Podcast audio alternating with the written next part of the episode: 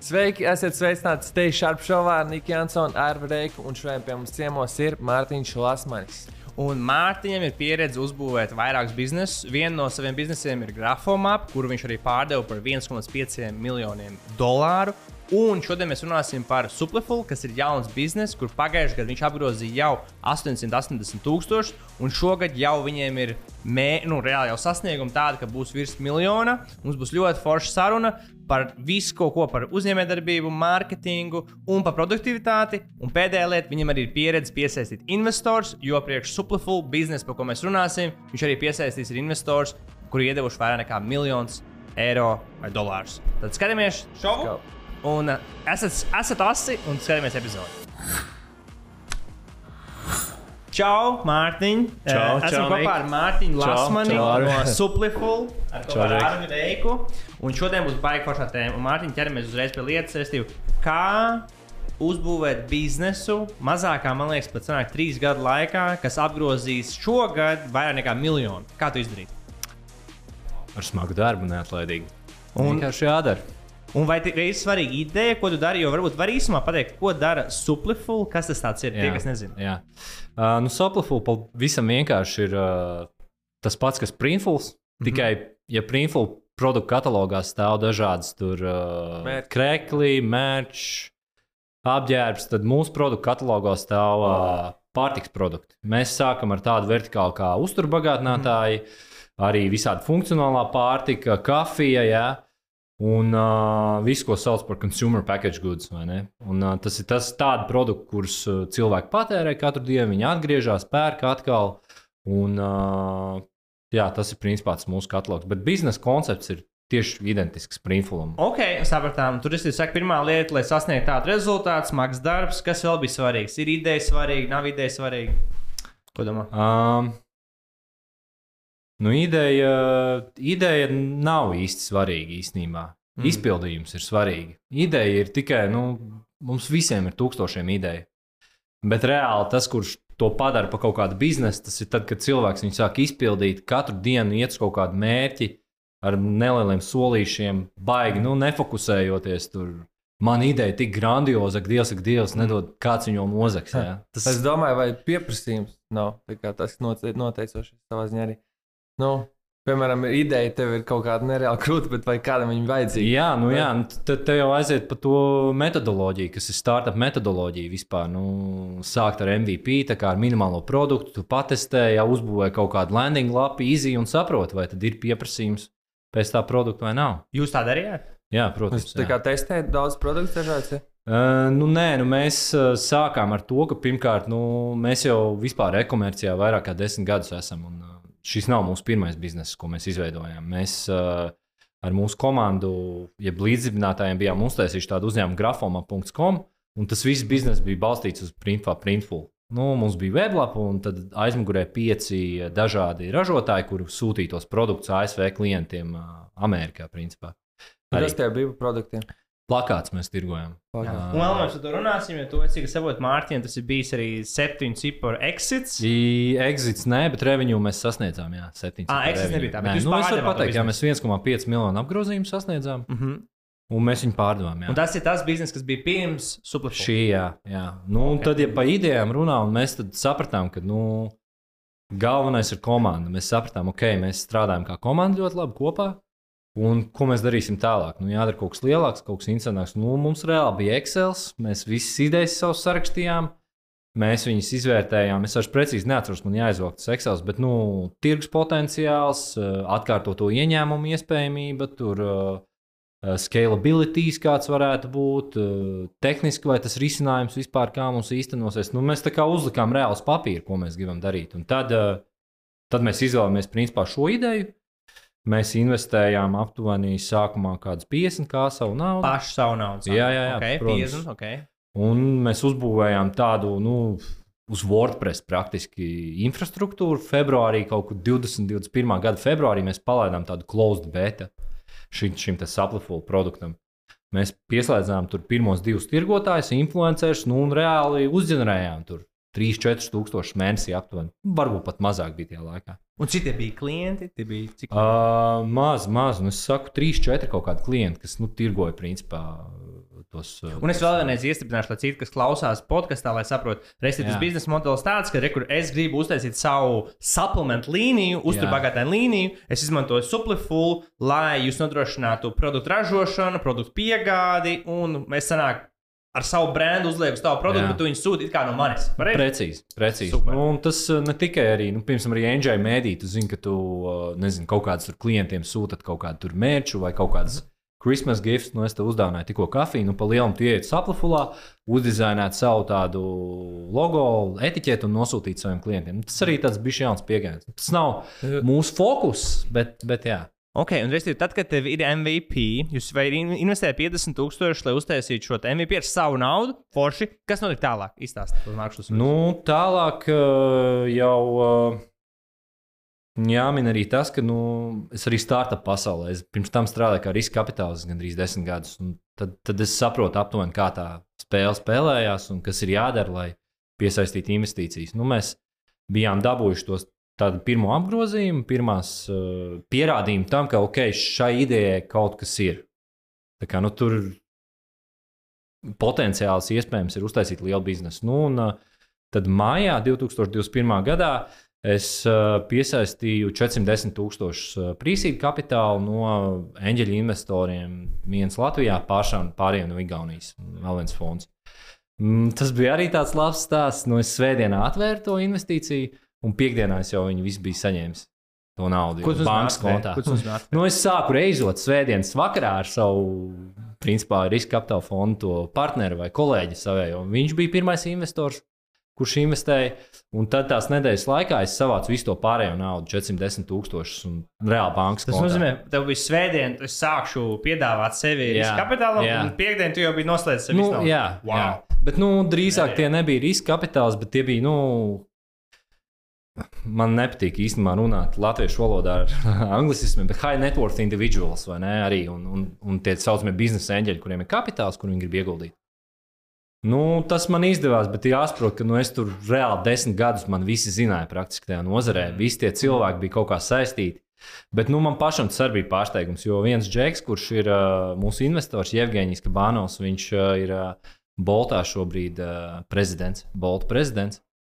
Un viņš pusstundu pēc mūsu zvana viņš mums atskaitīja 100 tūkstošus uzreiz. Pusstundas viņa runāja, man es būtiski redzēju kontā, kā ienāk naudas. Bija, tas bija tāds wow, ok. Pusstundas saruna, tas labs Jā, jā, jā, jā, jā. Bet, nu, Bet tas tikai parāda, man liekas, to, ka tu desmit gadus būvē šīs attiecības. jā, tieši tā.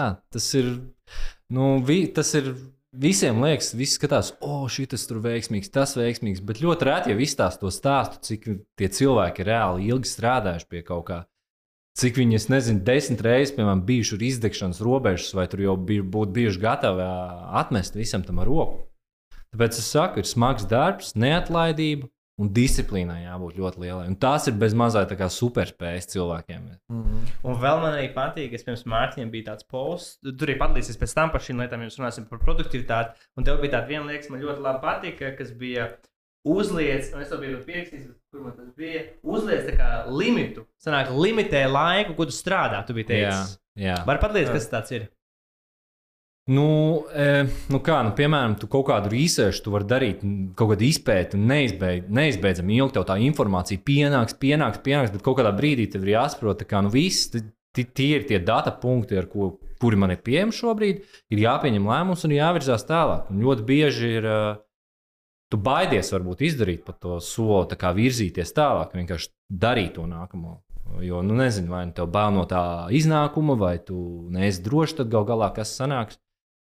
Nu, jā, un es pēc dabas, es domāju, man vienkārši tāds cilvēks, ka, nu, nu just do it, vai ne? Kas ir vispār Nike, man liekas, pēdējā laikā viens no mīļākajiem zīmoliem, kā viņi stāsta. Bet, nu, vienkārši tu dari to. Tu dari, tu liec to pirmo soli. Es nezinu, tu ej, tu atver durvis. Vienkārši tu nedomā, baigi tālu, kas notiks, kad es atvēršu tās durvis. Ja man būtu ļoti labi rezonēt, tas, ka tu vari ļaut darbam, darbu darīt desmit stundas, vai tu viņu darīt stundā. Un man patīk tas, ka tu nu, re- rēķinies ar savu darbu dienu, piemēram, ja tev, tā kā tev ir trīs bērni. Tas ir, man liekas, arī liela lieta, kas jāsaprot. jā, jā, jā. Un ka tur ieliec savu sešas, sešas stundas es strādāšu, un šajās sešās stundās man jāapspēj tas, tas, tas, tas. Un tas ir mans limits. Un man patīk, kā Mārtiņš rakstīja, Jā. ka tu apzināti zini, ka laiks, laiks iet uz priekšu, un tu neesi kaut kāds, nu, kas nečakrē vienkārši lieki laiku. Nē, nu, ultrafokus. Es saku, nu, es. Nu, Pirmkārt, es negaidīju, ka būs tik smagi jāstrādā. Es to tiešām Ar negaidīju. šo biznesu, kas ir Jā, Singapūrā. jā, jā. Un, uh, nu, es neko citu nedaru. Nekādus websites, nekādus social media, es neko citu nedaru. Es tikai pabeidzu vienu tāsku, pastos e-pastu, pastos, kas man nākamais sarakstā darīt. Es ne, nav praktisks lēktājums vismaz. Nu, es nevaru to atļauties. Bet kā tu rēķināsi, es teiktu, Superfull tagad ir jau miljons plus gadā run rates, un es teiktu, tev bija šis iepriekšējais bizness, kas arī apgrozīja 1,5 rekordu mm -hmm. laikā. Laikam, Jā, viņš jau prasīja 6-7 gadus viņu būvēja. Jā, mēs viņu, mēs viņu piecus gadus uztaisījām. Jā, Piecus gadu paši laikā. saviem Ah, spēkiem. tas jā. šis ir ātrāk. Šis ir daudz ātrāk, protams, nu, tāpēc, ka mums ir komanda, mums ir uh, ārējas investīcijas arī, kas mm. ļauj tev. t- Tas jau arī tas investīcija iemesls ir, ka tas ļauj tev kustēties ātrāk. Tomēr.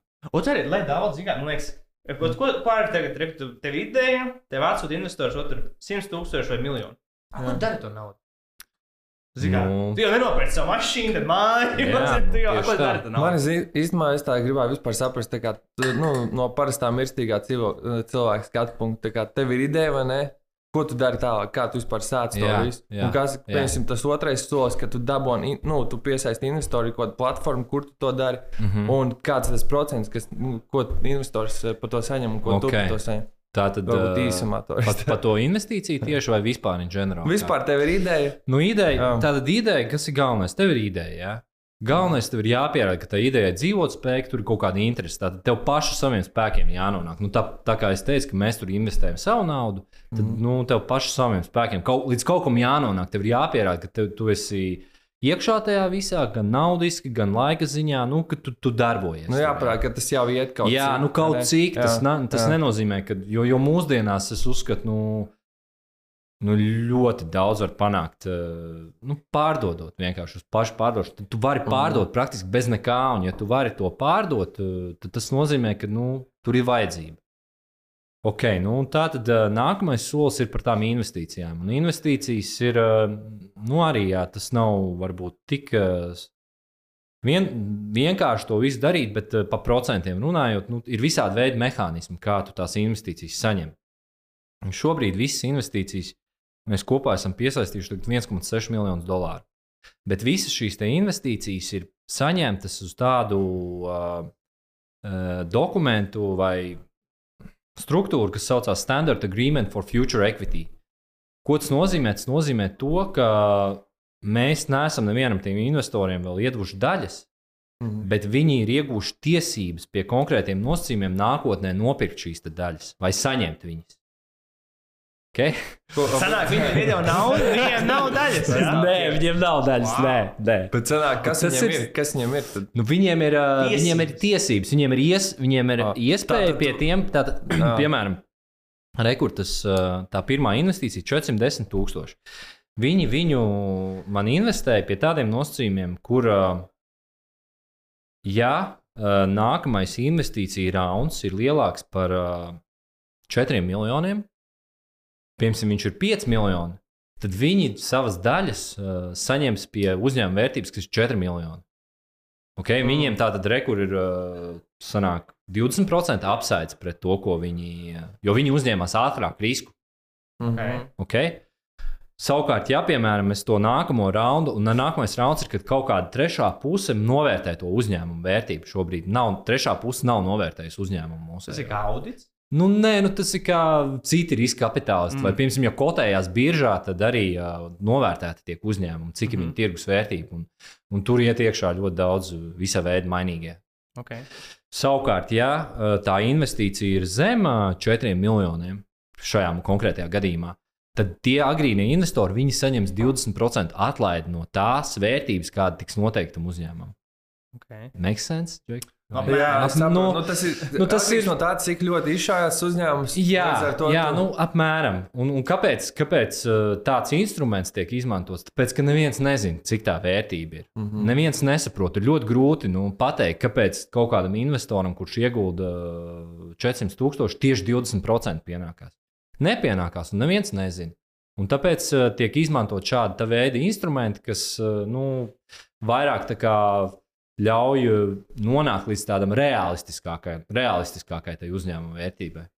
Nu, jā, un arī, es- cik es saprotu, pirmie cilvēki, kas investē, viņi īstenībā ļoti tic idejā, tevī un komandā. principā. Nu, viņi riskē ļoti. Principā, jā, viņi tic komandā palielināt. Viņi Bet tic sanāk, komandā. Viņu tas procents, tas ir vidēji 20%, tas, ko viņi saņem daļās. Tā kā ja tu investē to Nu, apmēram, jā, nu, tas, tas 20%. Un tas ir tā kā no daļām, vai kaut kāda vēl peļņu procents, vai kāds viss notiek aptuveni? Nē, nē, tikai daļas, tikai Jā. Daļas, un arī viss uzņēmums. Nu, tas, ko es tikko nosaucu, tas safe agreement vai ne standard agreement mm. for future equity, viņš kā standarts ir Amerikā. Tur Tu dzirdēju. neviens viņu nemaina, neko nemaina. Tu vienkārši nosūti to dokumentu cilvēkiem, viņi viņu paraksta, ieraksta naudas summu, pārskaita naudu un čau. Ok, ejam uz priekšu tādu Jā. lielāku Jā. klausītāju, tu nesapratīs.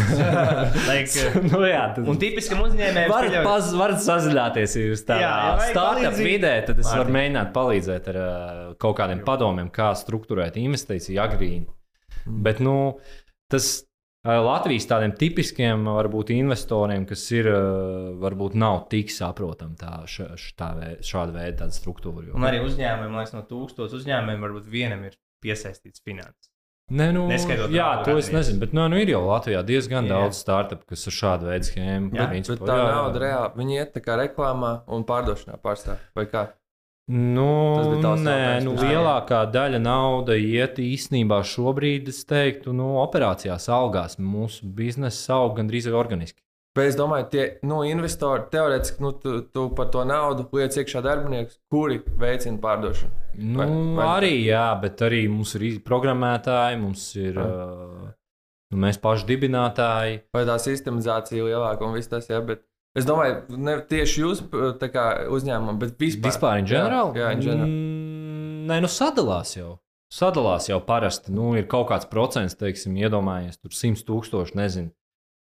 Parasti tur 40% ies mārketingam, Mhm. 30-40% uh, nezinu, produktu izstrādē kaut kur, kur mums jau nu, 20% operācijām. Jā, un arī man liekas, būtiski tas jāsaprot, ka Mārtiņa biznesam ir noliktava Amerikā, kas to visu operē, saliek produktus, Jā. uztaisīt naklējas visu un izsūta. Jā, Un tas viss ir.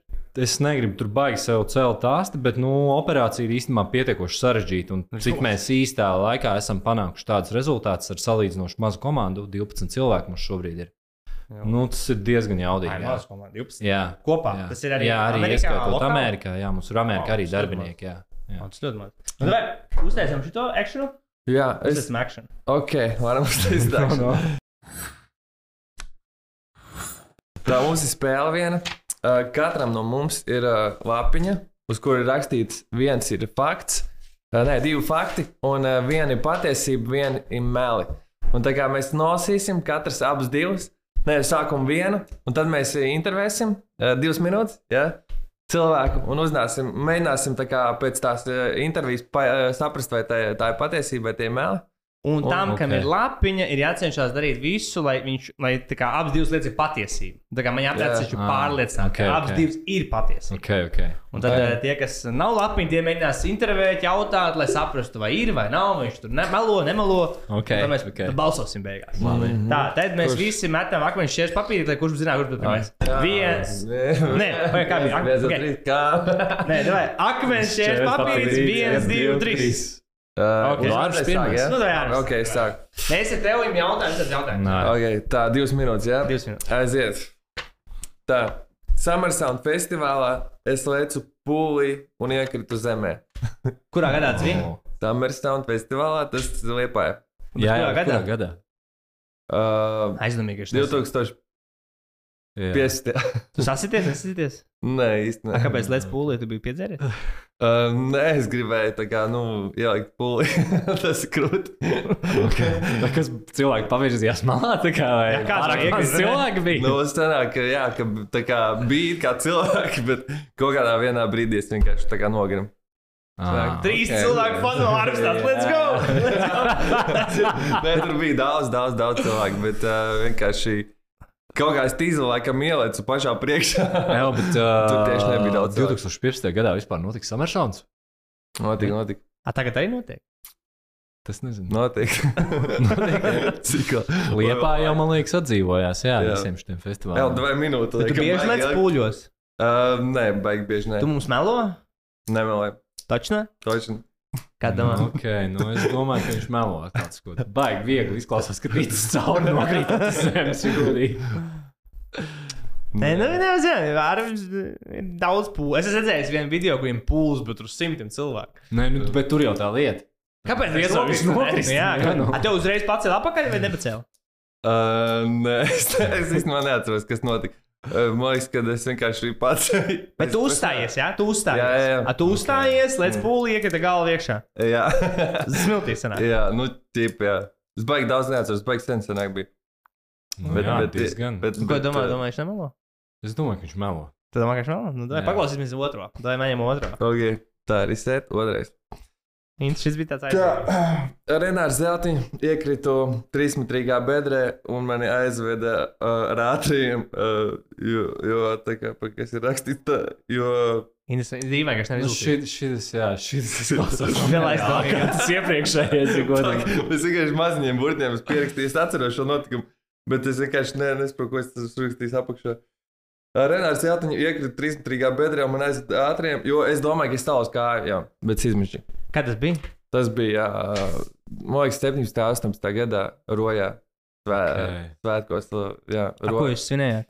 Nu, mums ir koncerts Rojā. Un kā, tas- kā Renārs Zeltiņš tik caur sveikā vispār?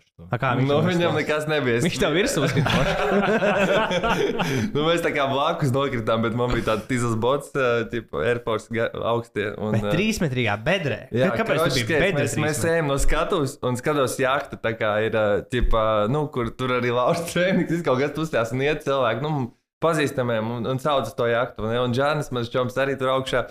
Un, kroķis, mēs ejam tā no, no tā stage, ejam, ejam, ejam, un pēkšņi vienkārši pazūd. Un uh, pēc tam es, es, es tā kā uz sekundi nesaprotu, kas tā bija? Kā tā bedre tur radās? Kam tā Kroč, tur paredzēta? ir osta, kā, nu, kur, kur piebrauc tā kā tās jahtiņas. Un pirms tam ir tāds betona bloks, un pirms tā bloka starp zemi sanāk ēna bija tieši virsū. Tas izklausās pēc melniem. Izklausās konkrēti Ēna ir tieši virsū, tā kā caurumam, kur ir bija bedre. Un tu neredzi to bedri. Nu, izklausās, eh, protams, smieklīgi. tas ir betona bedre vai Es kas? jūtu- Nē, nē, nē, nē, nē, savalsts. es starp betonu un starp zemi ir bedra. Tā kā, nu, tā kā es Ā, nezinu, tur kaut kas ok. okay. iedzem betonu tālāk, bet tu neredzi to bedri, jo vienkārši tajā vietā tieši ir ēna, tā kā, pa, nu, Ok. liela ēna. Tu to novērsās. Tu tikai kā? Ko ko tu salauz? Nu, man, man potīt uzpampot nēram šitādā te lielumā, un, ne? un mēs, nu, es iegāju. Jūs abi iekritāt, tikai tu iekritāt. Nu, mēs abi iekritām, bet viņš, viņam nekas nebija. A, ko Renārs Zeltiņš tur arī? Beidzās laiks. Beidzās laiks. Baigi labi, viņš stāsta katrā ziņā. Izklausās abi ļoti. Tam dīvaini. otrajam bija vairāk detaļas nekā pirmajam. Jā, es Par tos- teiktu, ka otru baigi grūti būtu izdomāt tik detalizēti. kā viņš Jā, vai ne? Es saku, ka pirmais ir fake, man liekas. Tu saki, pirmais teiks. Es tā domāju, jā. Nē, Es saku, otrais ir fakes. Tā Es domāju, ka pirmais ir patiesība, un otro, ja man, es ievēroju, tā, ka melot cilvēks, viņš spēj izdomāt vairāk lietas. Jā, nu, es saku, Ok. otrais ir fake. Pirma, tad- es teicu, ka, es saku, ka pirmais nav taisnība. Jā, ka pirmais Jā. ir Nu, izdomāts. tā vai kā ir? Pirmais ir taisnība. Ok, ok. Ir okay. Labi, nelaiž. nē, lās, lās, lās. Un uh, tad otrais izdomāts, ne? Jā, jā. Jā, un pirmais fake, kā tas notika? Tā arī notika. Uh, fake? Nu, tas pirmais, À, pirmais. pirmais, ā, nu, es jau savu galvā esmu iestāstījis otrādi, kad ir tip, tā kā es sāku ticēt tam, Jā, ka jā, jā, jā, redz, kā, jā, šitā Es te ir, gribēju, jā. nu, vai tie pretējs efekts. Bet, uh, jā, pirmais, nu, jā, es reāli ecu tā kā pulī un vienkārši reāli tas, ko es stāstīju, es vienkārši varbūt to mazliet raustoties teicu, bet tā bija viss, ko es teicu. Vienkārši pat taisno, vienkārši. Es vispār nenoķēru. Karoči bija baigi Bet kā taču daudz tur cilvēku. Nu, jā. cilvēki bija Nu, jā. līdz jūrai pilns. Es vienkārši tā skatu, laikam bija bijusi tā kā tāla, nu, bija tā robeža starpā, un es kaut kā tīzli uzkāpu tur un iekritu tieši kaut kādā caurumā. un ki- un eh, ne- nenoturēju kaut kādas ma- mācības, Oh, man laikam, vai kaut kas tāds. Un, Okay. Bet es tur biju šī tīzli, un tad aizgāju apkārt steigā. Let's go, man vienkārši pierakst. pierakst. Kā tu, kā tu tiki apakaļ? Uz skatuves. Man liekas, es, eh, pa, pa, nu, tur ir tā kā no sāna var uzkāpt ap, apakaļ augšā. Mm. Tā ir pierakst, man ir viens punkts. Let's go. Bet jā, tas tiešām bija sen. un Tad es nākošais. Okay. Davai. Tad um, jūs gribat pirmo vai otro? Nu, ejot otrais. Jā, Otrais. otrais. Jā, Jā. otrais. Tā. Es esmu noskrējis 12 reizes 42 km. 12 Ok. reizes. Un 40. Kā bija? Katru reizi bija grūti, man to nepatīk darīt. Skriet nav forši. Bet Kāpēc tu to darīji? Nu, nu tā kā Un kāds Tipā sajūtas? maratons, tas ir maratona distance. Pastāst, Kurā- kādas sajūtas pašās maratona Jā. beigās ir kaut kāda. Dirsā. Viņš sā, sākās būt dirsā jau no 30 km. Tie, kas saka, ka viņiem patīk skriet, es domāju, ka viņi melo. 12 reizes tātad eh, tu atceries visas? Nē. Tas neko nevar. Tas ir tā kā. Tas Bet dažas es atceros. Ok, bet tas ir tā kā tev kaut kāds hobijs, ka tu tur brauc uz citām pilsētām vai kā. Tas sākās dēļ Džako Vilings, nē, bet David Gogins. Ah, ok, ok. Kad es klausījos viņa grāmatu par to skriešanu, man tā parādās, jo pirmais mans maratons ir bijis Latvijas komaratons.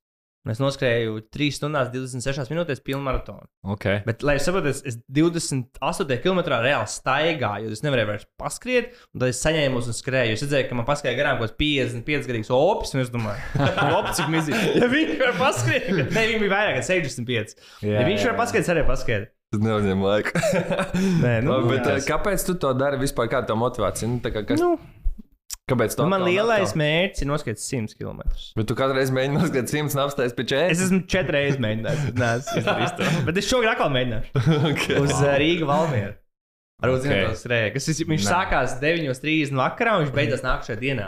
Kāpēc par nakti skrien? Bet viņš tāds ir skrējiens. Tas ir kā simbolizē to. Zināt, ka bija no Valmieras līdz Rīgai cilvēku rinda. domā Baltijas ceļu? Jā, jā, Baltijas ceļu veido. Viņš jau Ok. bija no Tallinas. Nu, jā, jā. Līdz, un tas ir kaut ko, man liekas, ar to saistīts. Okay, man liekas, bet mēs aizmirstām par to, ka 12 reizes, tad Jā. 12 reizes pa 40 km katru reizi. Ja? Jā, nu, Man liekas, ka daudz. Man liekas, ka viņš daudz, ir skrējis. Es zinu, ka viņš ir skrējis, bet es, ne, es nedomāju, ka tik daudz. Tas ir pa daudz. Bišķi. Labi. Ņemam otru. Nē, Jā, pirmo. otro, jā. Tā, Jā, davai. pirmo jau. Tas Jā, ir pirmo. pie 500 km pāri noskrietiem. Tā, ņemam pirmo. Uh, es 9. klasē piedalījos Popielā, un es uzvarēju pirmo vietu ar uh, Eminem dziesmu Lose Yourself. Kurā klasē? 9. 9. Tas nav tik, viņš nav tik jauns 9. Kā es maziņš biju? Popija. 14, 15 gadu. Kalnu vidusskolā. Ok. Nīgrāns pagasts, saules nots Kalnu vidusskolā. Man ļoti patīk. Cik bija kom, kom, konkurence cilvēku? Tā kā 12. 12. 12 dalībnieki. Viņi bija arī no citām, nu, ne, bija no visām klasēm. Nu, No un visām. tu, ā, Kā viņš bija precīzi atcerās? Jā, jā, jā. precīzi atcerās 12 un 12. Tieši 12 bija iepriekšējais skaidrs. Jā, Bet viens ir patiesība. viens ir toši patiesība. Atceries, ka vismaz trīs dalībnieks, kas arī dziedāja. Jā, Raivītis Klaips, uh, Dāvids Samuška un uh, Alisa Granta. Bet viņa teica, cits uz- cits uzvārds, viņa apprecēsies. Kāda vēl dziesma bija? Kāda? Ah, ui, to gan es neatceros. nu, nu, kā, ko tu balvā saņēmi kā uzvarētājs? Ah, un tur bija vienkārši dāvana, nu tādu, man liekas, dāvana, kas te ko dāvana. man liekas. Bet tu, tu biji priecīgs, tā kā, ka tu esi reāli izcēlis šo Nu, pasākumu. nē, reāli. Man bija īstenībā kauns. Man liekas, es ļoti, nu, man bija bail. Es, ļoti, es biju ļoti tāds nedrošs bērns. Jā. Es man bija tā kā ļoti kaunējos, es nevarēju uzstāties. Ja man skolā bija jālasa kaut kāds zina, teksts, es vienmēr e, pilnīgi svīdu, jo bija bail lasīt, es slikti lasīju. Kas- Kas rakst, lasīju raustā, raustīgi. Kāds, Mm. kāds bija tavs šovs? Ko tu darīji tieši? Es vienkārši tā kā uzliku to dziesmu, un tu tā kā like, muti virini un dziedāji līdzi, zināji vārdus. visus. Jā, jā. Es Ah. toreiz stāstīju par Eminem, man ļoti patīk Eminem. Nē, es zinu, Šobrīd man viņš tas nepatīk, tā kā viņš tagad ir. Bet vecais Eminem. Jā, jā, jā. Tu zini, dziesmu? Zinu, protams, Grūti jā. saprast. Es arī Ko- ko klausījos, domāt, taču, Jā. Pats man tāds sajūta, ka šito viņš melo un iepriekšējais ir patiesība. Es, tev- es atkārtoju, Tiešām domāju? pirmais Es variants nezinu, ir 9. tik klases slikti nav popils, malas. otrais variants 12 reizes 42 km noskaita. Jā, pirmais variants popils, otrais tas. Nu, tad Es- es... jūsu verdikts. baigi daudz, man Pēc- liekas, kad jā. popīli ir reālāk. Es saku popils. Es saku saka kad ir pat popils. tais, taisnība. Taisnība, jā. Jā. Es teiktu, šo otrādi, tāpēc pēc ķermeņa valodas tīri. Man liekas, ka viņš, vai, viņš vairāk. Grib-? Viņš vairāk gribēja parādīt, ka, ka viņš pats pagaidi. Nu, es tagad nesaprotu reāli. Pag, nē, man liekas, ka Ar viņš nav. pārāk daudz vēro. Pirmais ir. Pirmais ir Bet viņš pārāk priecīgi stāstīja šo visu. Es Es tev uzvarēju. saku, vecīt, es, es vienkārši visu es, taisnību. es, es, es saku otrādi nekā viņš. Tā kā, Nu, saka otrais, jā. es, es saku, otrais ir, pag, otrais ir mele vai patiesība? Es tagad saku- Tagad, reku ir varianti. Popils un uh, noskaita. Es saku, ka uh, noskrējiens. Tu teici, ka noskrējiens patiesība vai ne? Es teicu, ka popīli patiesība. Labi, es saku, ka noskrējiens patiesība. Tā tad uh, patiesība ir noskaits. Skriešana. Oh, Oh, respekt, Ārvis- respekt. Mēs pār viens otru pārāk labi jā. Es nekad nebūtu, nē, es papīlā, nē, nē, nē, nē. nē. Vispār Nu, ne. ko? Es Vispār Nu, traks Galvenais, tad mēs nesalīmējam kopā tas kautrīgums. Es to es domāju, jā, nu redz, kā pārvarēja savas bailes un uzstājies. Bet, bāc, es ļoti noceru Jā, tam jā, stāstam. es centos, es centos. Mēs iepriekš arī šo spēlējām, es satrenējos. Jā. Tā, tā, dodam vārdu ok. Mārtiņam, let's go. Nu, labi, tad, Rezultāts ir viens, viens. Jā. Bet vienīgā problēma Mārtiņš šos Es, principā, Džeki, nemāku melot savu. Jums jāuzmina. Mēs, jā, mēs arī neredzam, kā, kā tu, nu, kad tu esmēlojies un kad neesmēlojies. Nu, mēs tas viens gan, otru jau kaut cik zinām, tāpēc mums ir. Jā, Uh, jā, labi, ok. Pirmais ir, kad es uh, Covid laikā, tas ir 2021. gadā, es uh, dabūju no vēstniecības speciālu atļauju, lai es varētu ieceļot ASV. Covid laikā. Jā, 2020. Wow. Jūtas- Kas, kas tev bija pirmais jāizdara? gads. Kas tev bija jāizdara, lai būtu atļauja? Uh, man bija uh, jāsagatavo vesela vēstule, jāpaskaidro, kāpēc viņiem man jāielaiž. Ir. Uh, man tur palīdzēja advokāts no ASV, viņu sagatavot to Tu vēstuli. samaksā advokātam. Tā, es neatceros kaut kādas tur viņa stundas likuma, kaut kāda 200 dolāru stundā. Kāpēc? Kas bija galvenais iemesls, kāpēc viņi tev ielaist? Jā, tāpēc, kad man bija jāatver tā noliktava Denverā, un, mm. Uh, un tad, principā, nevarēja ielaist no, nu, no Eiropas. Bija aizliegts kā ieceļot, tu nevarēji parasto vīzu iebraukt ASV. Un tad es paskaidroju, ka rekur man ir uzņēmums, man ir jāatver noliktava, tik un tik investīcijas saņemt, jānoliks darbinieki, un tad man Tas- piešķīra atļauju. Tas bija pirms potēm vai pēc? Tas bija, sanāk, jau bija potē. Man bija. Jā. Tev bija pots, jā. Ai, jau bija jau? Jā, jā, jā Bet bija. Tad jau varēja, nevarēja lidot, tad tieši uz Ameriku nevarēja. Es saku, 2021. gadā nebija atvērts vēl. Nē, Tā, tu melo? Izklausās. es? Nē, nē, nemeloju. Tas izklausās pēc patiesības. Bet tas ir, tas ir diezgan tā, nu, inčīgi. Bet... It makes sense. Kā Jā, jā. biznesa sāk 20, uh, 20. gadā, 21. Jā. vajadzēja noliktavu. Jā, makes atbildēja, Viens brauc? Jā, jā viens pats. Jā. Toč viens pats. Viens pats. Nevienu jā. ielīdz. Nē, nē, nē, viens pats. Tur tikai vienam arī varēja dabūt atļauju. Un apakaļ arī tik. Nu, jā, tik. Jā, jā. Ok, tik- tad vai ņemam ok, otro? labi, otro. jā, Jā. Un otrais uh, ir, uh, es esmu tik efektīvs pārdevējs, kas jau vienu miljonu esmu ietirgojis savam biznesam. Blin, šis arī ir patiesība. Viņš, viņš, viņš, viņš pašā sākumā mums teica, ka viņš viens pats no, piemēram, rītā viņam ir no 6 līdz 12 zvani. Nu, blin. Ietirgojas. Paga... Savam biznesam ietirgojas. Viņš teica, ka viņam ir apgrozījums 1,2 ne? pēdējā gada laikā. Jā, pēdējos 12 mēnešos. Jā. Tātad i- ietirgojas. Nu, vispār, ka es Bet esmu pārdevis. Bet investīcija arī Pārdod. piesaistās. Investīcijas skaitās piesaistās, neskaitās. Nu, īsti nē, es to neskaitu. Nu, jā, pārdevis. Jā. Nu, Nu, pārdev, kādu pakalpojumu produktu? Uh, jā, mēs tagad pārdodam tādu, uh, mēs palīdzam influenceriem, tā kā turnkey solution. Mēs viņus 14 dienās uztaisām viņiem zīmolu, uh, Shopify veikalu, palaižam visu programmu. viņš tādu ļoti bravūrīgi pateica. Man liekas, viņš vēl. Ah, tas ir restīvi, nevis uh, Suplify, bet tas ir citā biznesā, tu esi pārdevis miljonu. Vai kā? Es. Ah, caur citiem influenceriem? Nē, nē, suplifulam, suplifulā, jā, Jā. suplifulā, jā. Miljonu pārdevis. Šis arī izklausās patiesībā. Kaut kā nav. Tu malo tagad? Nē, halā. Viņš ir tā, viņš aizdomīgs. Balsts mainījās pilnībā. Jā, kaut kas mainījās. Viņš mainījās. Es saku, ka šito viņš vēl. Jā, cilvēks nomainījās. Kaut kā dīvaini. Cits No, cilvēks. Cits kurš- cilvēks atnāca. Kurš, kurš variants? Nu, es saku, ka pirmais ir patiesība, otrais ir mēl. Man, mums ir tev viens, viens punkts, mums jāvienot. Nē, es saku, es saku, otrais ir patiesība. Mhm. Pārdots viens miljons ir patiesība, bet Covid tas nav, nav tas ir meli. Mm. Jā, ar viņu taisnība ir. Yes! Es neesmu vēl tik labs Jo pārdevējs. bija tā, jo es arī jūtu, ka tā pilnīgi savādāk to pateici. Nē, nē, nē. Es, uh, nu, jā, es tā kā tieši par to programmu, ko mēs tirgojam, mēs tagad tikai viņu sākām, un es reāli esmu pārdevis 14. Tātad es esmu pārdevis kaut kāds 14,000. Nu, Mm. tikai to programmu, tīri tā. Ah, to infoproduktu. Nu, to onboarding produktu, tā viņi varētu teikt, kur mēs palaižam viņiem tos veikals rīktīgi strauji. Mēs tikai nesen viņu sākām. Jums tie mērķi klienti, tā kā Amerikā influenceri, ja? kas fitnes Nu, ņem. tas, jā, ir tā kā tāda pirmā vertikāla un tāds fokus, bet, nu, pa lielam jau, uh, pa lielam jau jebkurš to var darīt. Šu, man nāk prātā uzreiz. Es pat pierakstīju. Es pat reku pierakstīju. Reku es pierakstīju. Džims. Jā, jā, jā, Jebkurš bija gyms, bija. Nu, vai ne? kā, mums ir tā kā, mēs, uh, pirmkārt, mēs šausmīgi ticam tai mm, visai uh, creator economy vai ne influenceriem. Nu, jo mm Mhm. -hmm. viņiem iedod tā kā rīkus, kā viņi var savu auditoriju monetizēt. Jo tas ir tas, uz ko nākotnē mm Mhm. -hmm. viss Jā. virzās. Reāli. Tas cilvēks, kuram ir uh, kaut kāds rīčs, kur mm Mhm. -hmm. viņš var uh, tā kā, kaut kādu auditoriju, ko viņš ir uzbūvējis, piemēram, tev, ja, Mhm. viņam ir kaut kāda lojāla sekotāja, un kā var pamazām to auditoriju monetizēt. Tas Jā, ir tas, uz ko reāli nāk. Nu, tas ir tas, ko mēs ticam. Un tas ir tātad tas viens segments, kā mēs reāli pozicionējam kompāniju, uz ko mēs arī dodamies. Bet tas neizslēdz visus tos, ko tu saki, jā. Mhm. Nu, B2B, B2B mēs saucam viņus tā kā sales. B2B. Man ir tāda liela lieta, ko es tev gribēju arī parunāt. Mums ir ārā tas īstenībā interesanti, jo mēs esam ļoti līdzīgs tāds tā biznesa. Tā lieta ir tāda. Respektīvi, mēs ar uh, Mārtiņu iepriekš runājām, respektīvi, kā Mārtiņš pateica, kas ir viņa biznesa modelis. Tur bija varianti marketplace, tur bija varianti Enablement platforma. jā, enablement platforma, bet respektīvi, viņš palīdz produktus tirgot. Un tam man nāca prātā, ir daudz biznesa, kas tirgo produktus. Nu, Piemēram, Jā. produktus, fiziskus produktus. jā.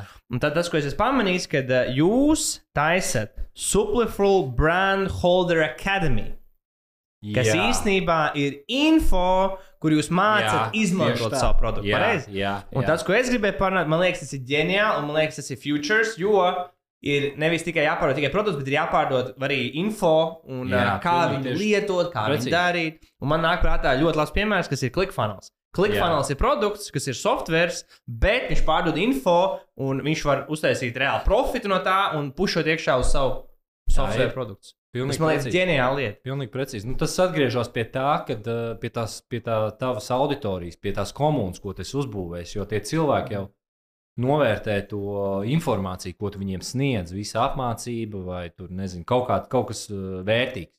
Un tad tie produkti jau ir tā tāds uh, apsels vai tā kā tāds, nu, kaut kāds Mhm. forša lieta, kā viņi var papildus tevi atbalstīt, tie tav, tā tava auditorija. Jā. Bet, uh, jā, mums uz tās platformas, nu, ir, mēs viņu bišķi citādāk jau tagad saucam, bet. Ah, ā, savādāk nosaucam? Nu, tur ir, ā, jā, mums ir CPG Launch Kits, ir vesels kurs, kur mēs viņiem izstāstam, ā, kā viņi var palaist savu veikalu, izveidot zīmolu, mm -hmm. izveidot Shopify veikalu, nu, un to mēs arī tirgojam. Mhm. Um, tad ir otrs, ir šis Creator Brand Accelerator programma, kas arī ir servis, ko mēs par 1000 dolāriem pārdodam, mēs arī viņu kā tirgojam. Nākamais solis mums ir, uh, ko mēs tagad būvējam, mēs viņu sauksim CPG Growth Kit. Un tajā mēs liksim iekšā, kā mēs panākam, ka, jū, ka tie visi konti, ko mēs pieslēdzam, ka viņi aug sāk. Ka viņi katru no mēneša uz mēnesi izmantojot mūsu taktikas, ka viņi aug reāli. Mhm. Un ko jūs mācāties tajos kursos? Um, nu, tas nav. Um, Tātad tajā launch, launch kitā mēs apmācām, principā, definēt, kā definēt, kas ir tava auditorija, kā definēt savus krāsas, uh, zīmolu, definēt un uzstādīt gal galā Shopify veikalu. Nu, palaist, lai tu esi gatavs visu to Ok. okay. darīt. Savukārt, uh, tajā growth kitā, nu, viņi vēl top, bet nu, viens modulis, kas ir uztaisīts, nu, viss ap email marketingu, kā tu uztaisīsi puneli, kā vajag līdzi magnetu dabūt, nu, visas šīs lietas. Nu, un tad jau tālāk mums tā ideja, ok, mēs uztaisām to paketu, kā mēs viņu, pirmkārt, jau kā paketu vienkārši pārdodam. Un nākamais solis, kā mēs viņu kā servisu tirgojam, jau ka mēs viņu vietā liekam. Un trešais, kas ir mūsu vispārējā vīzija, kā mēs to visu vienkārši automatizējam. Mēs Mhm. visas tās taktikas automatizējam, ka mēs to vienkārši replicējam tūkstošiem kontu. Jo tas, Mhm. uh, tā, nu, tā taktika, tā, tas veids jau ir identisks. Un pats- mainās saturs. Un pats pamats visam jūs palīdzat cilvēkiem pelnīt vairāk naudas. Jā, jā, mēs viņiem palīdzam mm, vairāk pelnīt naudu, vairāk uh, efektīvāk monetizēt savu savu Auditoriju Savu auditoriju. Bet jūs mācāt arī reklamēt to savu Jā, produktu, jā. viņu, vai, vai tas to ir Jā, to mēs topam. Ā. Top šis tagad. Tas Ā. nav. Tā, tā ir, es teiktu, tas ir mūsu lielākais izaicinājums. Šobrīd mēs esam atklājuši, principā, kā mēs uh, efektīvā veidā 14 dienu laikā mēs palaižam zīmolu online Mm. cilvēkiem. Un it starts making money. Un viņš sāk tā kā, nu, tirgot, bet nu, mēs redzam, ka liela daļa no tiem cilvēkiem kā, nu, nemāk īsti to darīt. Mm. Un tad kā mēs panākam, ka visi tie veikali, kurus mēs uh, palaižam, lai viņi sāk augt? Un tu esi redzējis arī tādu tendenci, ka tie cilvēki, kas nopērk šo kursu vai jūsu servisu, ka viņi reāli kļūst par lietotājiem jūsu īstajam biznesam, kas ir. Jā, jā, nu tas jau viss ir integrēts. Mēs jau, mēs jau kā arī to Creator Brand Accelerator programmu. Mēs jau viņu liekam apakšā viņa izvēles produktus no mūsu kataloga. Un, nu, tas viss ir ap tiem uzturbagātinātājiem un visiem tiem produktiem, kas ir mūsu katalogā reāli. Un kas ir varbūt tā, tas mārketinga metods, kā jūs kā, piesaistāt klientus paši, kas, ko Jā. jūs izmantojat?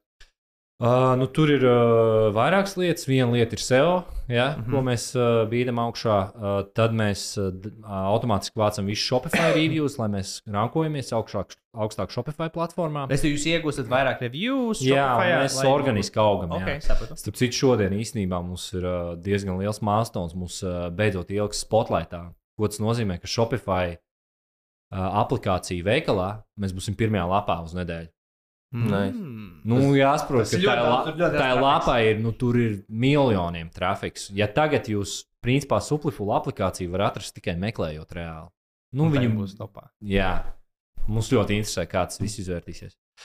Tā tad tas ir. Tad ir uh, mums automatizēts mārketinga kampaņas, iet. Mm. Uh, Kādas? ultra personalizēts, jā, e-pasts. Jā. Un es zinu, ka tu izmanto lemlistu. Lemlīstu es vairs neizmantoju īstenībā. Tagad jau citu tūlu izmantoju. Kā Instantly tādu, instantly AI. Nu, tur mums palīdz viens, uh, viens žeks ļoti talantīgs. Viņš zina, kā to visu uzstapot, bet nu, tagad man griežās 60 e-pasta kastītes un kaut kāda 6, 6000, vairāk kā 6000 dienā e-pasta iet ārā. Katru dienu tika izsūtīts 6000 Jā. cold e-pasti Jā. jūsu mērķa autoriem. Jā, nu, tas ir dažādās uh, soļos. Bet jā, Un visi pie pārsvarā Amerikā, cik es saprotu. nu, tikai jā, Amerikā principā. Tā, ko mēs vēl bišķi PR mēs darījām tur Amerikā, bet nedaudz. Nu, Google reklāmas mēs liekam visus tā kā tradicionāli. Google reklāmās vairāk pagaidām iet. Uh, mēs personālos brendus vēl arī būvējam, jā, arī kā veids, kā tas īstenībā strādā. Ko tas nozīmē personisku? Person, personīgo brendu, tā kā nu, Twitterī, ja pasako man, vai tur tajā pašā LinkedInā, vai ne? Ah, nu, tādā. Es, tas netiek darīts, uh, tas tiek mērķiecīgi darīts.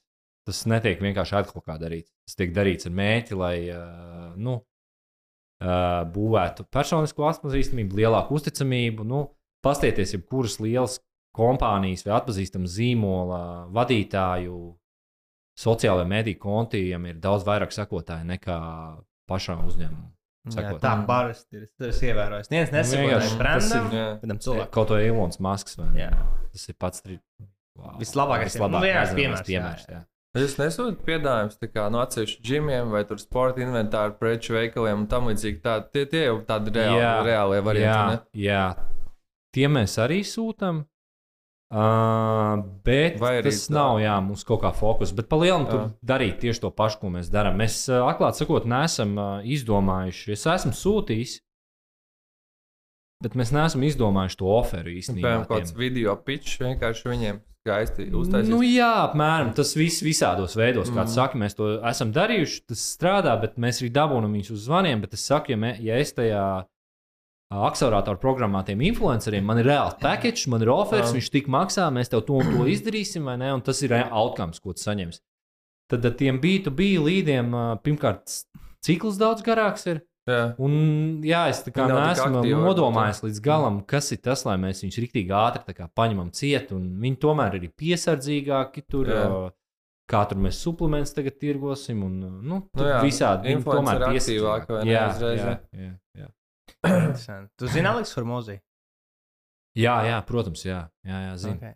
Es zinu, Džimiem vienkārši nāk prātā uzreiz. Jā, es viņam esmu arī iesūtījis mūsu, mūsu proposal tajā viņa, nu, kaut kādā online formā, bet uh, nu, mēs pa mazu esam vēl priekš viņa. Bet, jā, piemēram, Mm. tādam džekam, nu, vēsi, vēsi.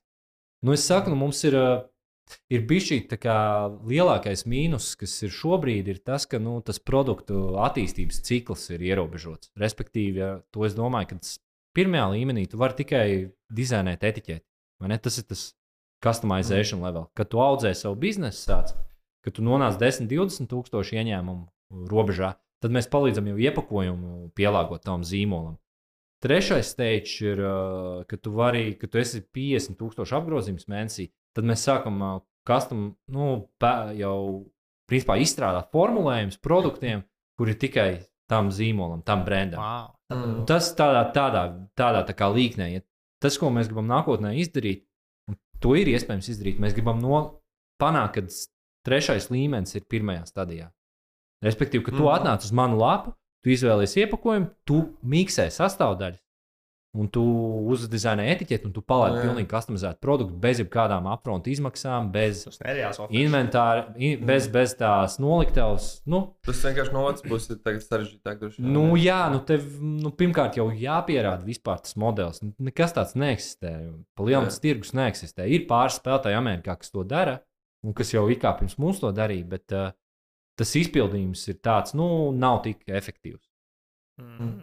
Vai kas tas ir? Kā, eh, kur rob, nu, ierobežojās tie jūsu sapulmenti? Tā kā Tu teici, kādi jums ir produkti? Uh, nu, tagad mums ir, uh, viņi neierobežojās. Tātad mūsu ideja ir uh, pievienot katalogam jebkādus uh, pārtikas un patiesībā kādā brīdī iespējams arī kosmētikas produktus. Bez mazliet Kas- gribu savu saldējumu tirgot. tā Kā, Nu, negluži tātad. Tas ir tas, pie kā es atgriežos, ka tam noteikti jābūt produktam, ko var viegli sūtīt pa e-komercijas piegādes ķēdēm. Mhm. Uh, tam ir jābūt produktam, kuram ir salīdzinoši ilgs uh, derīguma termiņš. jā, un, Un viņu var personalizēt kaut kādā veidā. Jā. Un man nāk, nākušais topiks ir tāds, ka es 21. gadā, aizpagājušajā gadā, jums apgrozījums bija 96,000, pagājušajā gadā 870,000, Jā. izaugsme 800%. Jā. Varbūt var iedot uh, skatītājiem. Trīs, četras akti- actionable lietas, ko jūs darījāt, kas palīdzēja facilitēt, nu, tā kā radīt to izaugsmu. Jā.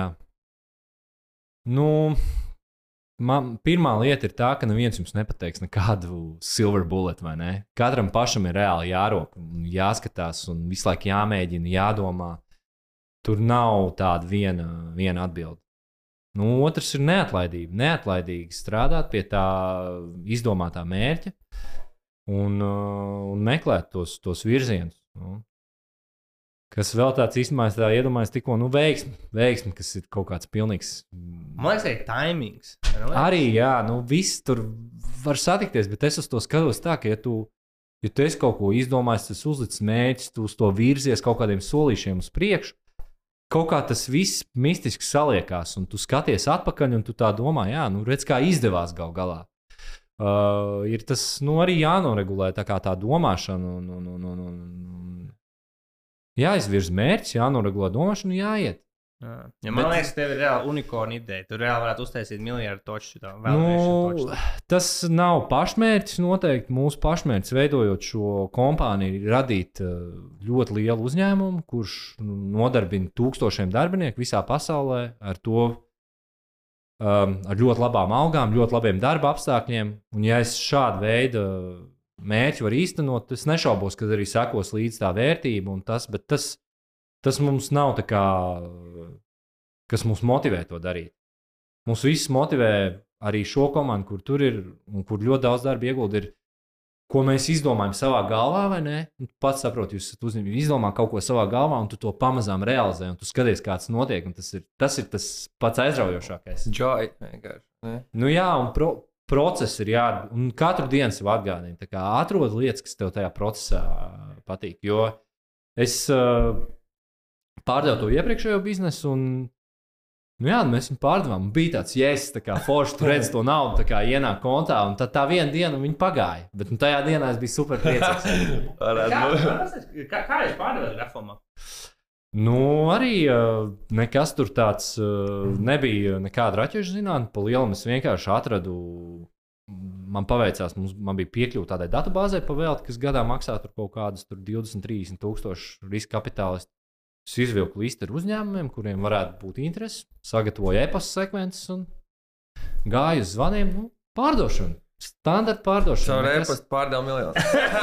Cik tev vajadzēja tikšanās, lai dabūtu vienu pircēju? Um, nu, vairākas, jā, tikšanās. Nu, bija, bija divi pircēji, bet nu, viens no pircējiem beigās bija tas, kurš um, gal galā mēs viņu bijām integrējušies. Tā bija arī līdzīga viena no print on demand kompānijām. Ah. Viņiem arī made sense to nopirkt. Tā kā, nu, tas arī nospēlē lomu. Bet nu, tas ir vesels process, kā nu, vēl nopārdot to biznesu. Viens ir tur uzbūvēt, viņu veidot, vai ne? Bet mēs gribējām arī nu, iziet tajā pieredzē, ka mums nulle bija, mums nekā nebija. Līdz mēs nonācām līdz vienam. Ko jūs gribētu pārdot? Uh, bija mums, mēs bijām divu kā, izvēli, ko mēs darām. Ļoti grūtam biznesam bija klients, visu laiku bija jādabū. Nebija atkārtotie pirkumi vispār. Hmm. Tā kā neatgriezās. Nē, Un tad, ka, lai to risinātu, vai nu mēs uh, paplašinām produktu klāstu, izdomājam tā kā multiproduktu storiju, jo viens produkts bija, uh, nu, vai nu mēs viņu pārdodam.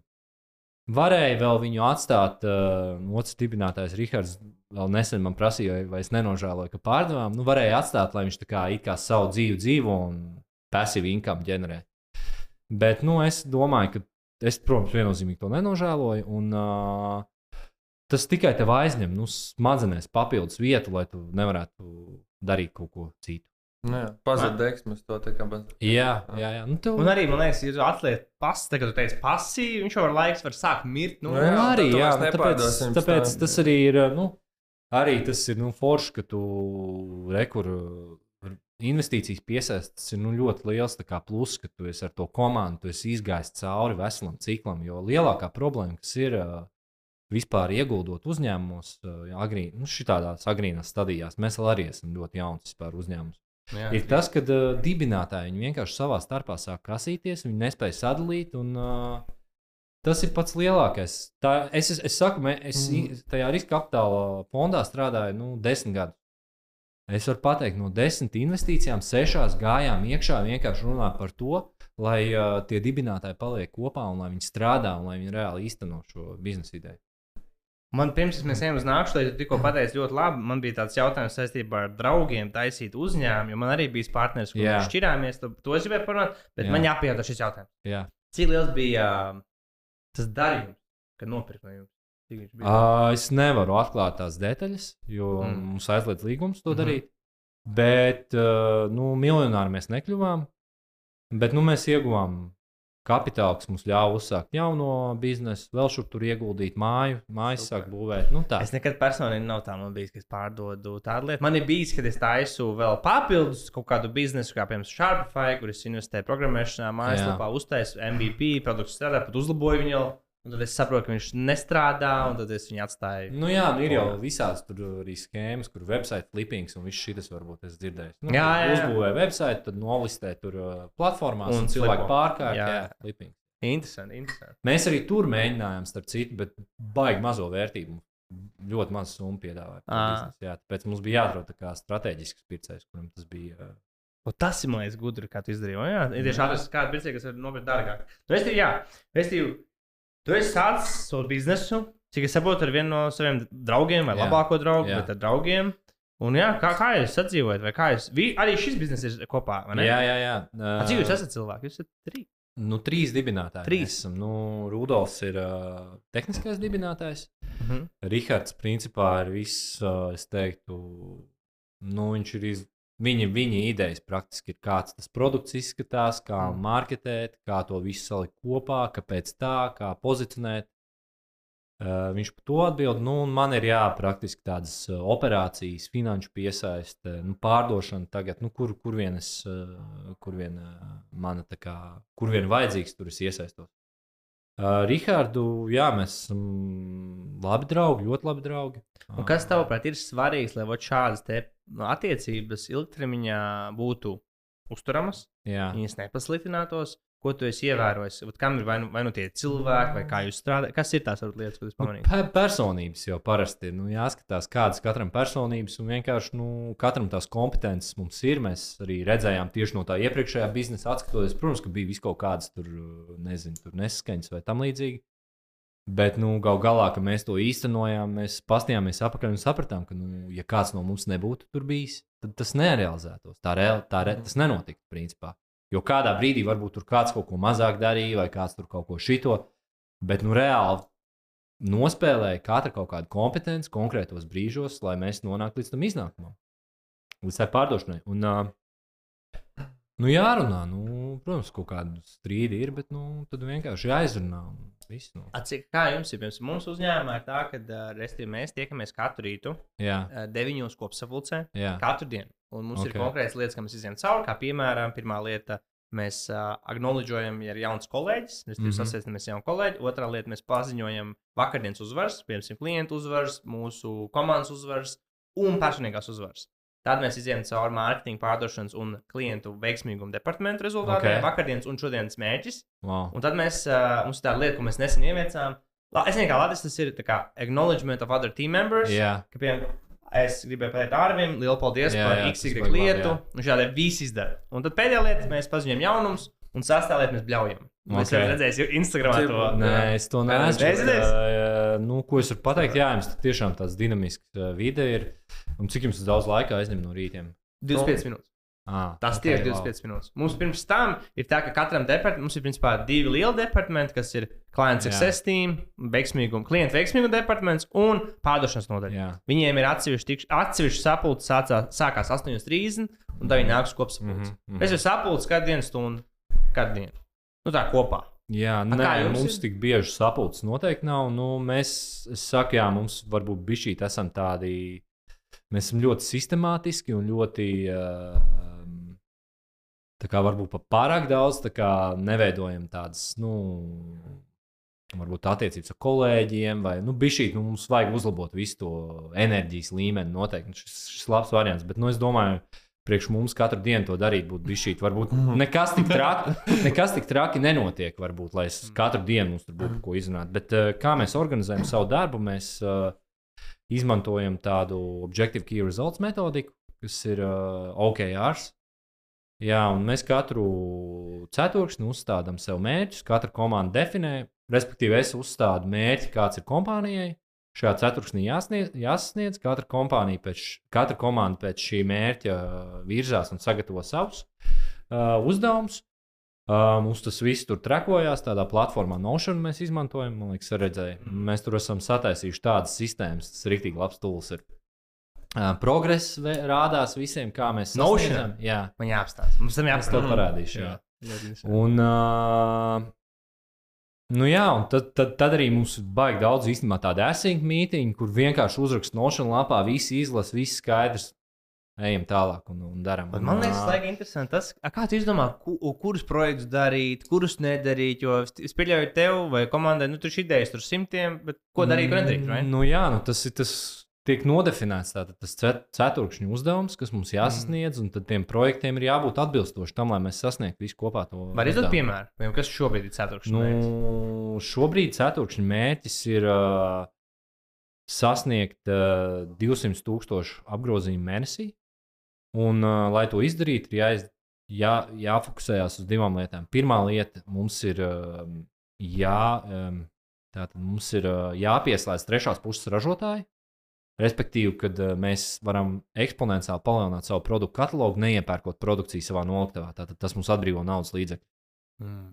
Okay? Tātad viņi, tie ražotāji, pieslēgsies un paši sūtīs jau no savām ražotnēm pat taisno gala patērētājiem.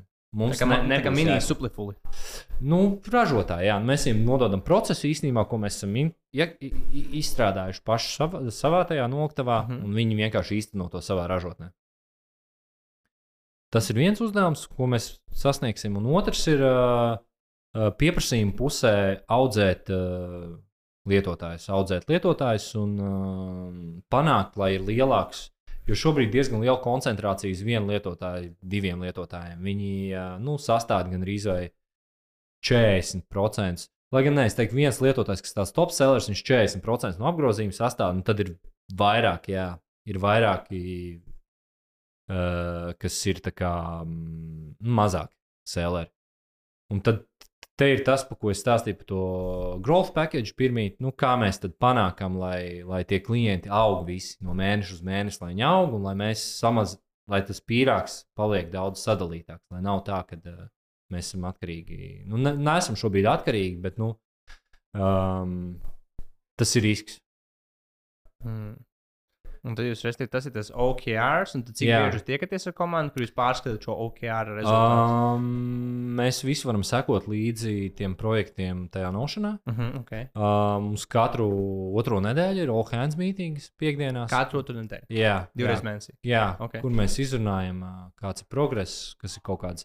Katru nedēļu pats rakstu vēstuli, tā kā nu, uh, memo, varētu teikt, internal Katru memo. nedēļu. Jā, katru piekdienu es izsūtu par to, kas ir uzvars, kas, ir, uh, kas nav izdevies. Nu, apkopoju tā kā informāciju no komandām. Um, jā, nu, mums arī bija kaut kāda stand-up mītīņa, tur kaut kas tāds bija, bet kaut kā, man liekas, mums neaizgāja, jo varbūt nav tā dinamika. Jums varbūt bija šī lielāka tā dinamika, cik tur katru dienu kaut kāds klients jūs tur noklausējat, ja tur desmitiem, un tad ir pa ko runāt. Jā. Mums, eh, es domāju, nebūtu īsti. Jā. Mums atšķirās komanda, piemēram, mēs, te, labi, mēs redzējām, ka Mārtiņam komanda ir uz, uh, es nezinu, kā tā pateikt, jahta un ar, lai, ar to tur dēli. jā, jā, jā. Kā tas? Wakesurfings, Wakesurfing. wakesurfing Mēs taisījām. Mums pēdējā, mums pēdējā aktivitāte bija, mēs ejam uz cigāru bāru. Jā, Nu jā, mēs, uh, starp citu, šodien mums arī komandas aktivitāte tieši mēs ejam uz uh, kliņšu kāpšanu. Redzi, Nice. Viņi visi veselīgas lietas. Mēs Jā, mums vajag arī kaut ko tādu. Jā, nu mums, es saku, nu, jums ir daudz kas noteikti, ko mums varētu mācīties no jums, kā jums tas viss tiek organizēts. Un, jā, noteikti jums ir kaut ko mācīties. Kliņš kāps, bet, nu, bet kur tas ir? Uh, iekštāpās Unijas ielā. Ah, es zinu, to Es es biju tur tur. bijis, jā. Tur ir tas, tā, tā kā ar roku, bez tiem tur var kāpt. Nu, bez, um, bez stiprinājumiem. Tur kā. Ah, jā, jā, ok. es tur bijis. Okay. Tas ir tas. Ok, nu super, es to sadzirdēju.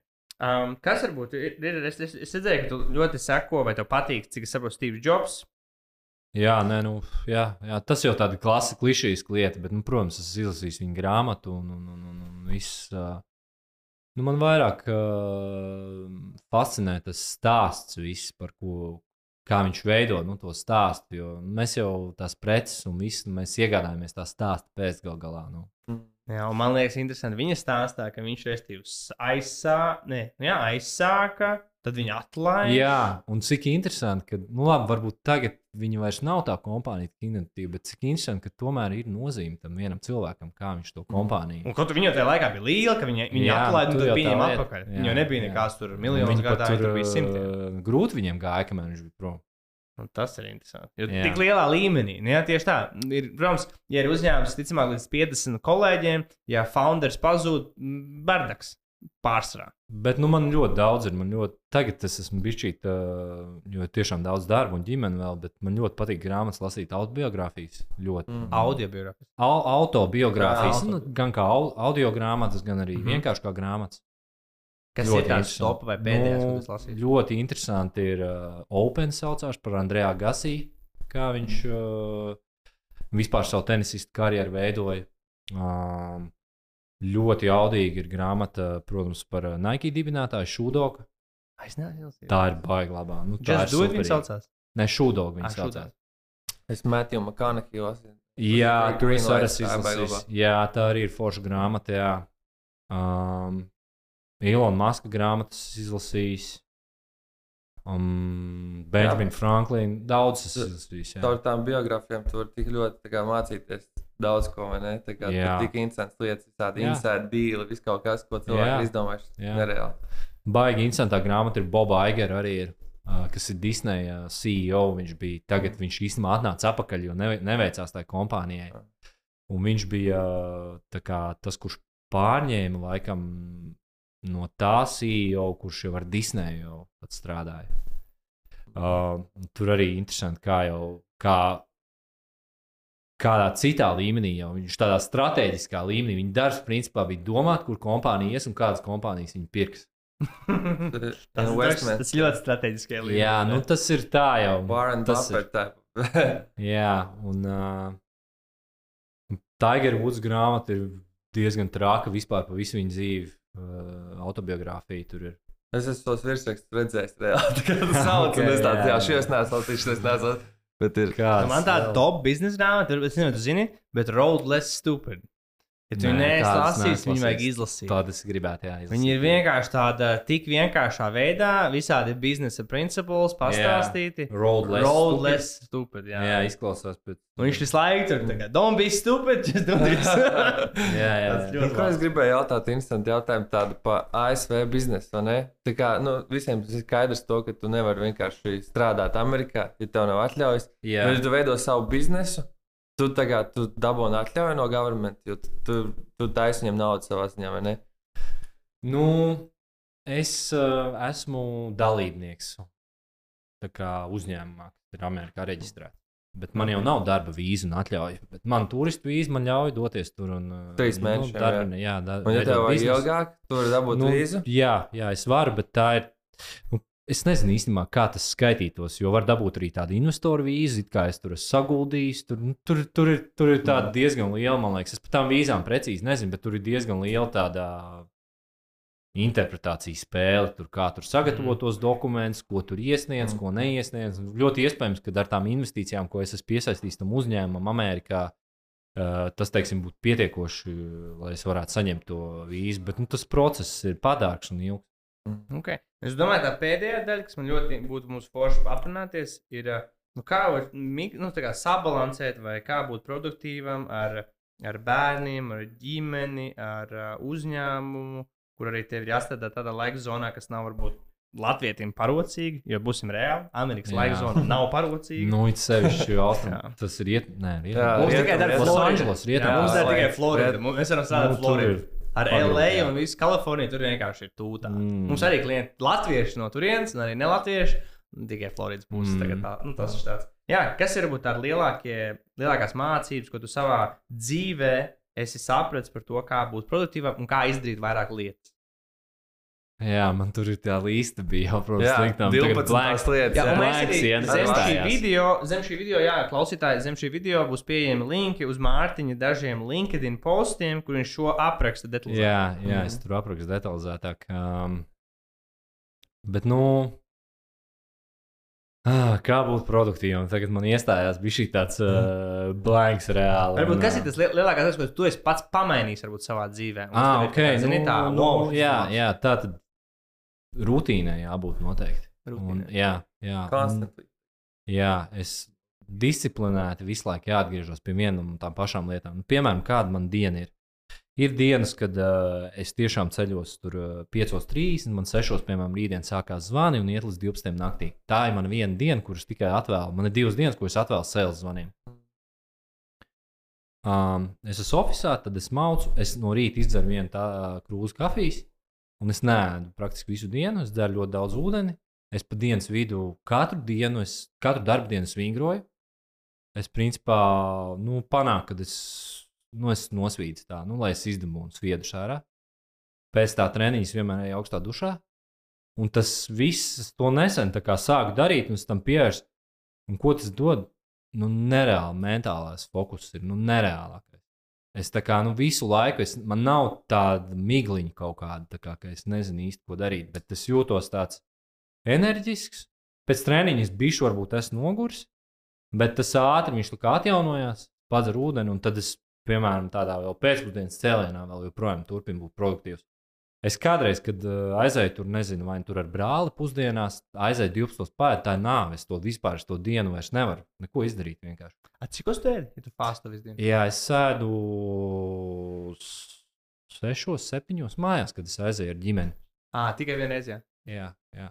Un, un, nu, tad, un tā jā. augstā duša man interesē, tu ej uzreiz augstā vai ej siltā un tad Nē, augstā? tikai augstā. es Tikai augstā. Jā, un tas man arī sākās. Tik nepatīk, nepatīk. Tas man arī sākās pilnīgi spiestu apstākļu dēļ, jo tur oficiālā nebija vienkārši augsts karstais ūdens. Ah, nu, Vasarā tieši nebija karstais ūdens, un es sāku un Tu atklāji, Vienkārši ka tas reāli dod kaut kādu rītu. nu, tas dod reāli. Es īstenībā visiem varu ieteikt, jo es pirms tam es slīmoju, visu laiku dabūju kaut kādus tur klēpus, kaut kādus puņus. Man tagad vēl plus bērni, es visu kaut ko mājās. Es, uh, nu, man pasāp tur kakls un viss fajn. Es turpinu tā kā visu laiku darīt to rutīnu katru dienu. Un eju tajā augstā dušā un sāku kakls, un man reāli pāriet viss. Bet es gribu uzsvērt, ka tas ir nu, diezgan varbūt tāds edžkejs, ko es daru. Tas izklausās Tas, grūti. tas nav visiem domāts Jā. noteikti. Bet tā, tāpēc nu, es esmu sapratis, ka man ir ā, tā kā tādas divas superspējas, ko es saucu par nu, darba spēju, vienkārši darba spēju. Un es disciplinēti spēju atgriezties pie vienām tām pašām lietām. Ir, nu, zini, cik man ir dienas bijušas, ka es negribu vingrot. Laiku, ne? Nu, nu nenormāli daudz dienas, bet katru dienu. katru darba dienu. Ah, katru dienu mēģinu. Bet uh, brīvdienās es atkal tā kā Relax. es tur Tikai ar ģimeni. Strādā brīvdienās. Nu, nē, nē brīvdienās cenšos nestrādāt. Mm. Pārsvarā ar ģimeni, no draugiem. Es arī, ko es, nu, tā, tas man ģenētiski, bet es praktiski arī alkoholu nekādu nedzeru vairs. Mm. Nu, tā. Interesanti. Es esmu dzirdējis, man ir dra divi draugi, Dēns un Helvijas. Uh, un Helvijas mums apsēja paziņa. Ah, jā, Viņi jā. teica, sākuši reiz tikai karnivoru diētu. Ah, tikai jā. Tikai gaļa. Tikai Jā. gaļa. Tikai gaļa un viens draugs ēd paipalu olas vēl. un Ok. si- sviestu. Okay. Un viņš vienkārši viņš man saka, ka tas viss ir nereāli. Viņš saka, ka uh, tur um, dzimuma orgāni tur stiprāk, viss tur kārtībā, un uh, ka negribās ēst, nav izsalkuma sajūta, nav tās. Um, nu, Tā kā tu kad teici, mīkla, viss šis te un tāds baigais. Nu, šī rutīna, ko es izstāstīju, tā ir daļa no tās produktivitātes. Ir. Un, nu, nu, protams, kas ir ā, pēdējais, ka nu, sieva jau arī ļoti daudz palīdz.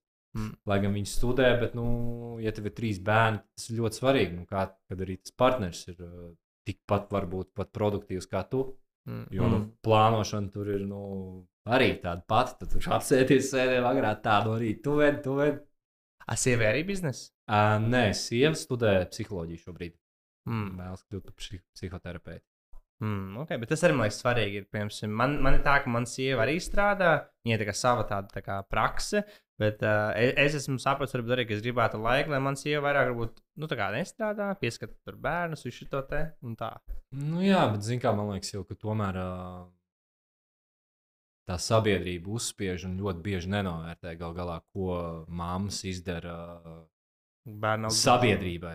Nu, jā, Jo īstenībā. tas darbs Tam ir es nereāls. Un, Jā, un, un es tad tās sievietes skaidrs, ka nu, viņas grib uh, izpausties kaut kādā formātā, lai viņas justos uh, nu, noderīgi, kā noderīgi sabiedrības locekļi. Bet es nepiekrītu, ka sievietēm vajadzētu arī kā, strādāt, visu darīt tāpat kā veči. Nu, nē, nē, nē, tas ir, tas ir liekas, atkal manuprāt, no katra, katra tā cilvēka atkarīgs. Nu, man liekas, normāli, ka sieviete ir vairāk mājās, vairāk rūpēs par ģimeni, bērniem.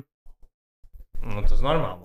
Nu, Man liekas, ka Džekam vienkārši tas nav tik viegli. Tā kā, nu, meitenēm tas ir vairāk domāts, ne? Un Džeks to sāk darīt, pamēģina divas dienas, piemēram, ne? Viņš saprot, nē, es, es labāk eju uz darbu. Bet, ir, ir- bet ko es vēl esmu pamanījis? sakot, varbūt es arī nesaucētos. Jā, bet es esmu pamanījis vienu lietu, ko es esmu pamanījis. Ir kā, ir vīrietis, ir sieviete, bet ir svarīgi, viņš ir. nu, Es nezinu, kā Latvijas tas ir, bet ir masculinity un feministikli. Un feministis liela. Un ir daudz džēgi, kas ir feministiskāki. Un viņiem meitenes parasti ir masculine. Nu, restīvi, Jā. vīrišķa enerģija vairāk.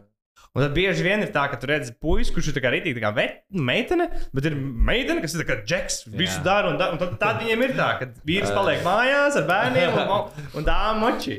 Tā ir redzēts. Es redzēju, ka tā. Man ir reāli Nu, divi pazīstami. Redzējis, Es esmu jau to dzirdējis, bet nu, es vispār baigi kompetents šajā tēmā. Es negribētu izteikt īpaši kādu. Okay. l- Beiga Nu mūsu rutīna. Mīļākā grāmata. Viena jāizvēlās. O, un es tur daudz labs nosaucu. Viena, pats labāk, pats krūtākais, kas vienkārši tāds, wow, šitos visiem iesaka. Un vispār es iesaku visiem sākt daudz ātrāk lasīt. Es drausmīgi vēl sāku lasīt grāmatas īstenībā salīdzinoši. Es sāku tikai tā pievērsties lasīšanai, kad es sāku studēt Zviedrijā. Man bija kaut kādi 21 gads. Bet nu, es teikšu, ka tas šūdoks ir ļoti laba grāmata, ko es ieteiktu visiem izlasīt. Podkāsts vai video šovs vai YouTube šovs, kam tu seko, ko tu iesaki. Uh, podkāstu par ASV es iesaku Olin podkāstu. Olin. Jā. Tas ir uh, pamēģis tehnoloģiju, biznesu, investīcijām, nu vispār politiku. Var tā katru nedēļu tādu noklausos. Labākā investīcija darbam, produktivitātei mājām. Kā piemēram, dators, nezinu, tur jetbag kaut kāds. Mm. Nu, nu, dators droši vien, datoram labam jābūt, man liekas, nu, lai var strādāt kārtīgi. Kas tev vairāk garšo? No deserta. Oh, man No saldumi vispār ir ģenerāli garšo. Man nekuram nepatīk saule. es nezinu, es nesen runāju ar vienu džeku, teiksim, virtuļi, bet es runāju ar viņu. Vi, viņam ir viens miljons vai pat vairāk sekotāju. Viņš sev sauc par, uh, kaut kā viņš bija, basketbola kopu vai trikšot kopu. Un izrādās, viņš ir policists. Viņš taisa trikšot video ar basketbolu bumbu, un viņš uh, virtuļus kā visu laiku uh, review taisa virtuļiem. okay. Foršākais, mīļākais sports. um, Hokejs. hokejs. Tas skatās, mēs īstenībā visi trīs spēlējam hoķi. Jā, hockey, bet nu, es neesmu labs hokejs. galīgi. Nu, basketbols man patīk. Man nav mīļākais, es teiktu, tā ir tā rutīna, ka es reāli vingroju katru dienu, un es, tā ir vingrošana. Un uh, tā ir vingrošana ar savu svaru tikai. Es pievelkos, atspiežos, nav nekādas ek ekipējums. Es noeju uz savu oficiālu, necilējā pagrabā, uzlieku paklājienu un vingroju. Vieta ārpus Rīgas, nu, valsts ārpus Rīgas, kur tu gribi aizskriet, bet tu vēl neesi tur bijis. Un ļoti gribi, un kāpēc? O, Japāna.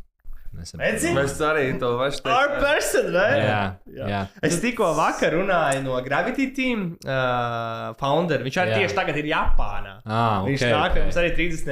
martā, tur ir īsts Japāna. Kaut Jā, kad tas Japānas izdosies, jā, es nezinu, kāpēc, bet tieši nesen vēl par to domāju. Tik, uh, tur tik interesanti. liekas. Nereāli. Pats, pats, pats tā kā liekas, uh, kad uz tik mazas salas ir tāda ekonomiskā aktivitāte. Tik daudz relatīvi. cilvēku. Un Tik daudz cilvēku. Nereāli daudz cilvēku. Nu, super. Nu, tā kā Sākām Mārtiņam, paldies. Stay Paldies. Žek, baigi forši bija. Jā, Jā. Super. Okay.